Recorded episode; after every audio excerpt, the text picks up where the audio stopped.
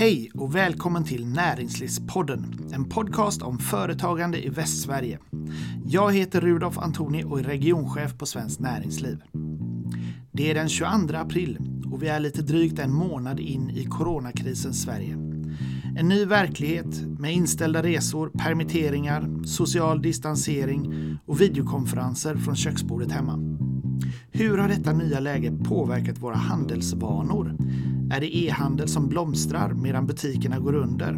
Eller är bilden mer komplex än så? I detta avsnitt djupdyker vi i handelns utveckling.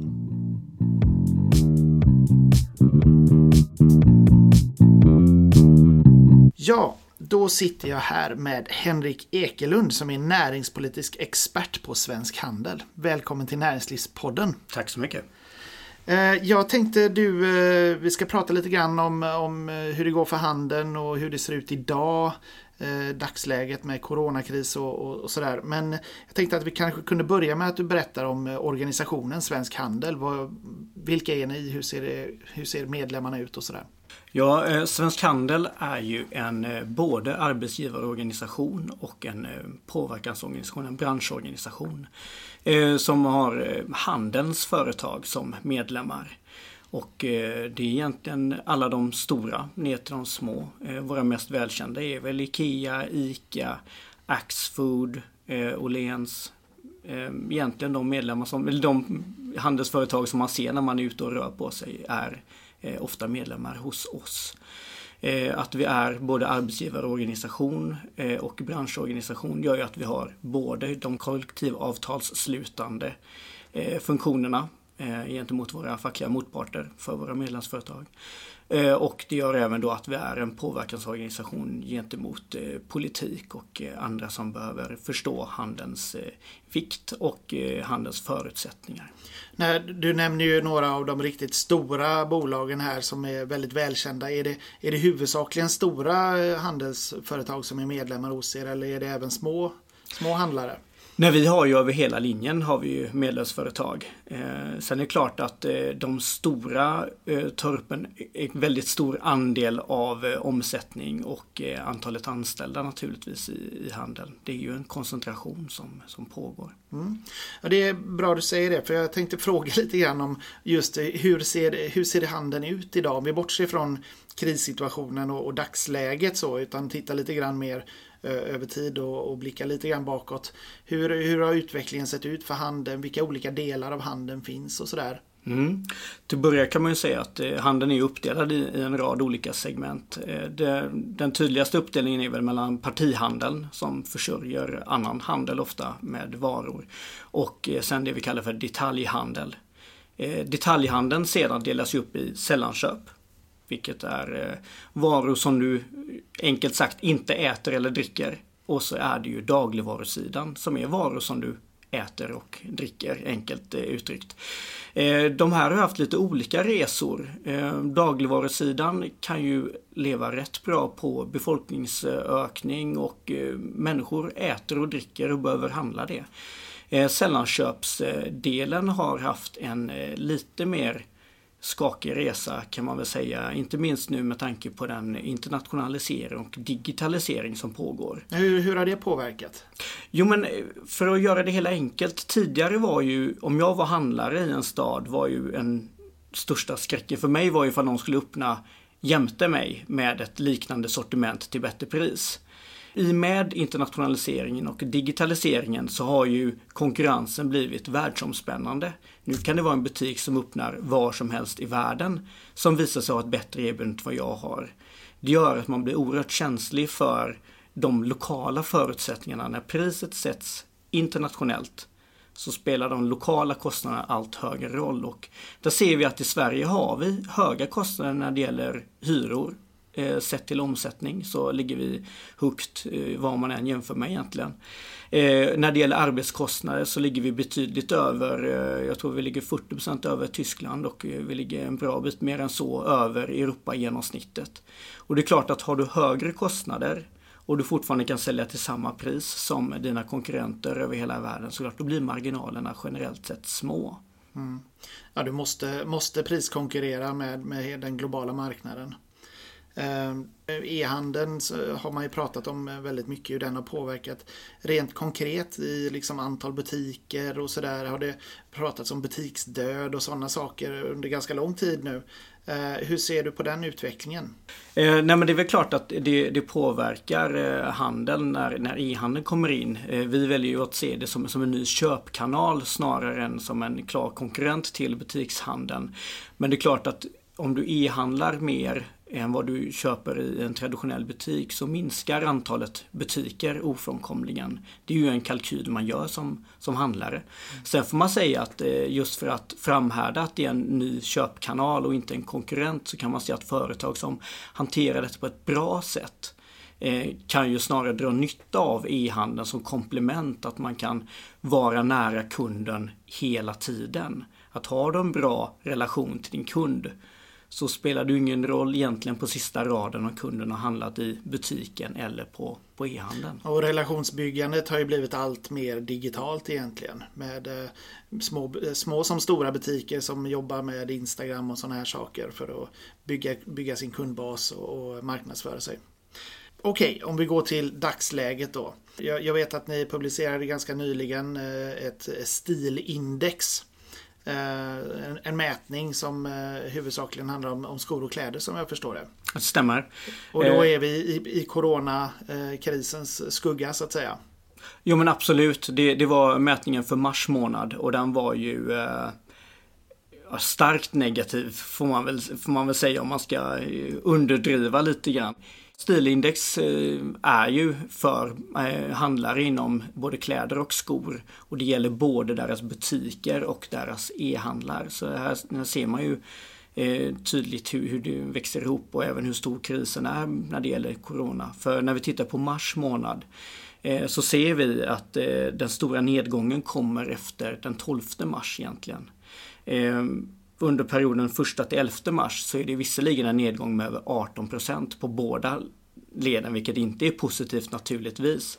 Men ser man på perioden 12 till 31 mars så ser vi alltså en nedgång när det gäller kläder på 49,4% jämfört med samma period förra året. Det är hälften så mycket alltså? Ja, och när det gäller skor så är vi alltså nere på minus 57 Mm. Och det här är eh, alltså horribla siffror för en bransch som redan hade utmaningar. Mm. Eh, om vi tittar på den här utvecklingen, den är ju onekligen dramatisk. Eh, hur skulle handelsföretag inom de här sektorerna, hur länge klarar de sig skulle du säga under rådande omständigheter? Vi gör ju medlemsundersökningar kontinuerligt för att följa exempelvis just det. Eh, och det är ju naturligtvis ett tecken på hur, hur väl regeringens eh, åtgärder har tagits emot. Eh, och där ser vi att eh, ungefär tre av tio uppger eh, att de klarar max två månader. Sen ser vi att, eh, att det är ju endast var fjärde butik som, som klarar eller var fjärde företag inom handeln som skulle klara mer än sex månader som det ser ut idag. Mm. Så det är en ganska, ganska dramatisk eh, utveckling man ser och då är behoven av de här åtgärderna väldigt, väldigt stora då tänker jag. Eh, hur har reaktionen varit på eh, regeringens stödåtgärder hittills? Är det, tycker man att de träffar rätt? Alltså den samlade bilden är ju för lite och för sent och sen så ser vi en träffbild som inte är mot oss tyvärr.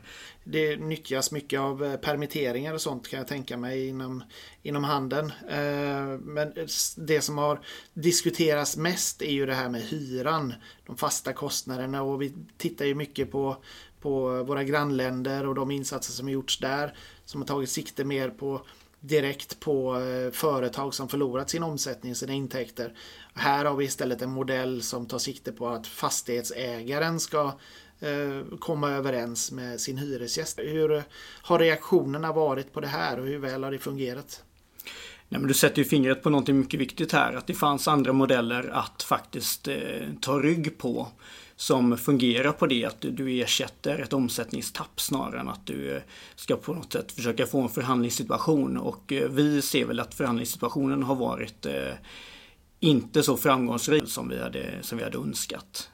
Finns det, finns det goda exempel bland fastighetsägare eller har alla agerat likadant så att säga? Eh, har man nyttja, vill fastighetsbolagen nyttja den här möjligheten att sänka hyran och få, få eh, ett stöd åter? Och varför vill de inte det ifall de inte vill det? Nej men eh, alltså där vi kan se att det funnits goda exempel är väl där det, där det finns en, en symbios i, i förhållandet. Alltså att man behöver varandra på ett tydligt sätt. Eh, alltså ofta på mindre orter. Lite närmare relation så att säga. Ja, eh, medan däremot eh, har vi sett att det varit svårare i, i, större sammanhang. Och värt att notera är ju att de, de statliga eh, aktörerna inom fastighetsbranschen har ju inte sänkt eh, så som vi hade hoppats. Vi, vi lämnar den frågan och går vidare till de här olika delarna av handeln. För att eh, det, det, visst, vi pratar om kläder och, och, skor här men, eh, men det finns ju olika delar av handeln som, eh, där, där man har sett ett uppsving istället. Så, hur ser det ut på dagligvarusidan till exempel? Ja, men dagligvarusidan nämns ju ofta som, som eh, de som har gått bra ur eh, den här krisen. Och det är klart att eh, med de bunkringstendenser som var i början av coronaperioden och så, så, så kan vi se att när vi frågar våra medlemsföretag så uppger ungefär hälften av dagligvaruhandlarna att de har ökat sin försäljning. dock får man ju inte glömma de 20 procent ungefär som har tappat upp till 40 procent av sin sin omsättning. Så även där är det lite delat då. Vad är det för typer av företag? Varför skiljer det sig åt så att säga?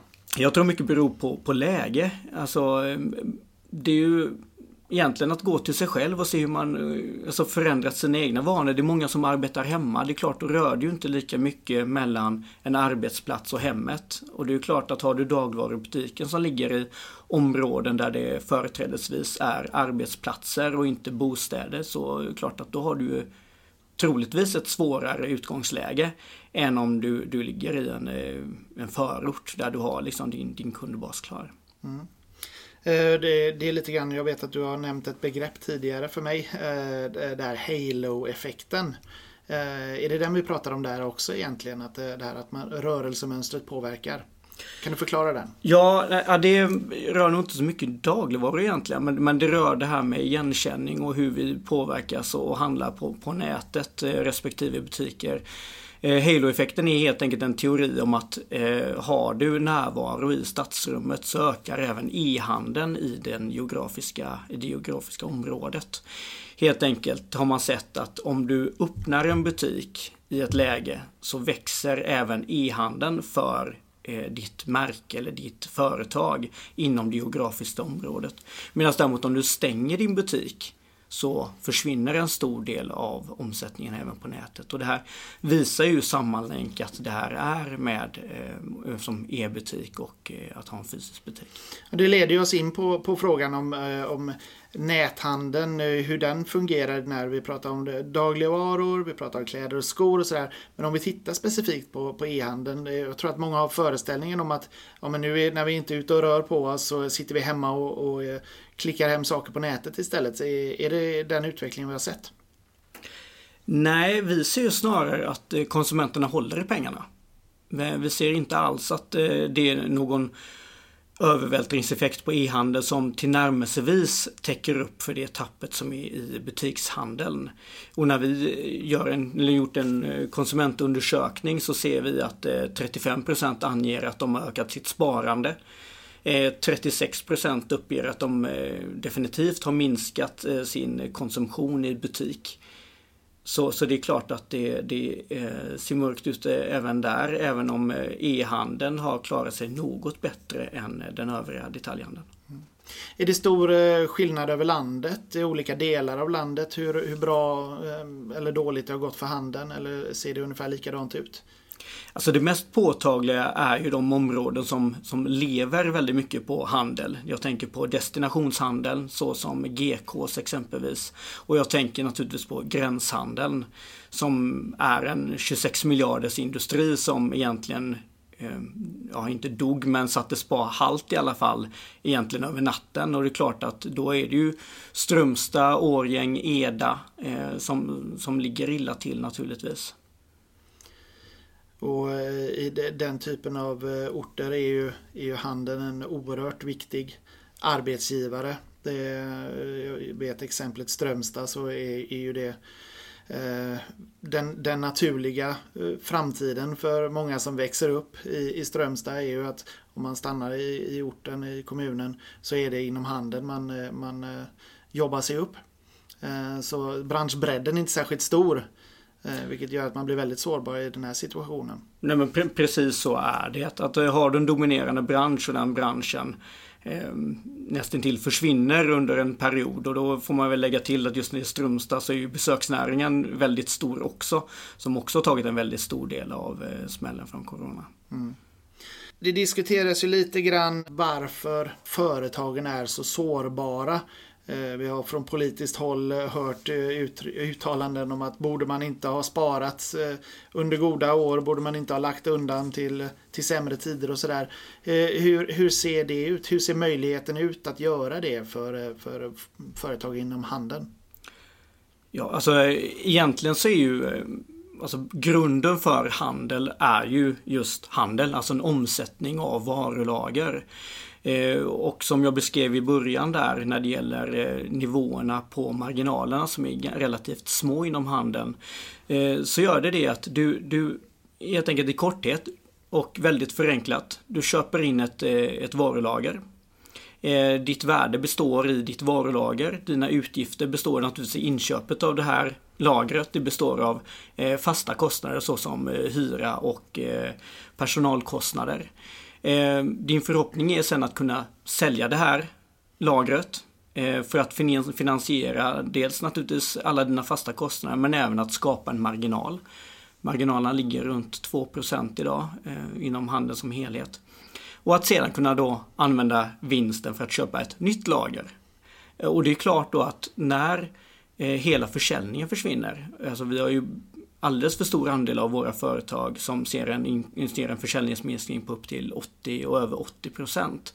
Och då kan man säga att det har i stort sett stannat av helt. Det gör då att då har du ett varuvärde som är nästintill noll. För många, framförallt inom det när det är de säsongsbetonade varorna. Eh, mode är ju en, en, ett bra exempel på detta. Där du sitter med ett varulager som ganska snabbt blir inaktuellt. Du kan inte sälja eh, vårkläderna på hösten eh, utan en betydande sänkning av värdet. Du kan inte sälja kläder för skolavslutning, baler och, och sådant på, på hösten heller och det gör att då sitter du i en sits där kostnads, de fasta kostnaderna kvarstår, dina intäkter har uteblivit och marginalen har varit så pass låg. Mm. Det är en tuff sits definitivt. Eh, jag vet att ni har frågat också företagen eh, om eh, deras framtidstro. Hur ser det ut idag? Ja, det var ju inte heller något muntert resultat får man säga utan när vi presenterade vår handelsbarometer i måndags den 20 april så var det faktiskt den, den lägsta framtidstron i butikshandeln sedan mätningarna startade. På ett index där 100 är neutral så var vi alltså nere på 64,2. Eh, vilket är en bedrövligt låg siffra så det får man säga att eh, krismedvetenheten och eh, framtidstron är, är där den är just nu. Är det olika för olika segment och sådär eller är det Ja, generellt? Man kan väl säga att eh, givet den diskussion vi hade i början där om de olika delarna så och dagligvarusidan ligger något högre men fortfarande oroväckande lågt på 73,9. Eh, e-handlare då som, som ligger lite vid sidan av och kanske kan nå även de som befinner sig hemma. Eh, ligger faktiskt på ungefär 100. Men det här är ju betydligt lägre rakt över hela linjen än vad vi brukar få som resultat. Eh, jag, jag, förstår att eh, ni som organisation som organiserar handelns företag har ju givetvis haft mycket dialog och möten med era medlemmar. Eh, kan du nämna lite grann om vad, vad ni som organisation har gjort för åtgärder under den här eh, akuta krissituationen? Ja, utöver att då uttrycka eh, våra medlemmars behov till, till regering och beslutsfattare och svara på de remisser och de förslag som har framkommit och uttryckt den oro och den kritik som, som finns så har vi ju även sett till att agera för att hjälpa våra medlemmar eh, exempelvis genom en förmedlingstjänst i och med att eh, våran bransch består av både de som behöver utökad personal just nu och eh, de som eh, tyvärr måste ha mindre personal på plats eh, under en period. Eh, så vi försökt att få detta till ett pussel som, som går ihop där man kan helt enkelt låna personal av varandra. Så det är en insats vi har gjort. Vad smidigt. Ja, eh, sen är det klart att det ska ju vara enligt alla avtal och, och Ja, så alla smidigt. regler. Men, men det är en möjlighet i alla fall att försöka få personal att stanna kvar, eh, våra medarbetare att stanna kvar i, i handeln även under den här svåra perioden och kunna hjälpa dem som har ett ökat behov eh, samtidigt som vi kan avlasta dem som har ett minskat behov av eh, personal temporärt. Om, om vi tänker oss att eh, krisen eh, blåser förbi och vi, vi ser att ja, men det, börjar, det börjar vända, man lättar på restriktioner och sådär. Eh, finns det en risk att man eh, kommer ha för lite personal då? Eller eh, hur, hur ser den situationen ut? Det är ju svårt att, svårt att säga om. Det vi kan se är ju att eh, 60% ungefär av våra, våra medlemmar har ju använt sig av korttidspermitteringssystemet eller korttidsarbeten som det heter numera. Eh, för, att försöka att, att, så att säga, övervintra under den här perioden. Men det, är- det är ju oerhört svårt att säga om ifall eh, det räcker så. Vi, vi har ju dessutom då eh, sett till att eh, via Handelsrådet som då är en eh, partssammansatt organisation. Det är ju vi på Svensk Handel, det är eh, Handelsanställdas förbund, det är Unionen, det är akademiker, eh, eller Akavia heter de väl numera och eh, dessutom är det KFO eh, som samarbetar kring frågor där vi är överens. Och eh, vi har inom Handelsrådets regi även sett till att eh, permitterade personer faktiskt kan ta del av en, eh, en utbildningsinsats också för att kunna stärka dem i deras eh, yrkesroll för en framtida inträde på arbetsmarknaden. igen. Eh, Jag tänkte avsluta med att fråga dig om du har något medskick eller tips som du vill skicka med till den som lyssnar.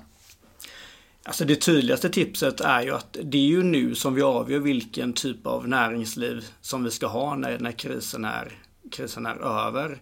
Vilka butiker som ska finnas kvar eh, och vilka möjligheter man har att få de produkter man vill ha på ett smidigt sätt. Eh, så det är väl egentligen att eh, kom, alltså tänka igenom att fortsätta så mycket som det går att köpa de varor som man faktiskt behöver, att stödja de företag som man faktiskt vill ha kvar. Det får bli slutorden. Henrik Ekelund, tack så mycket för att du var med i Näringslivspodden. Tack så mycket. Du har lyssnat på Näringslivspodden, en podcast om företagande i Västsverige. Jag heter Rudolf Antoni och är regionchef på Svenskt Näringsliv.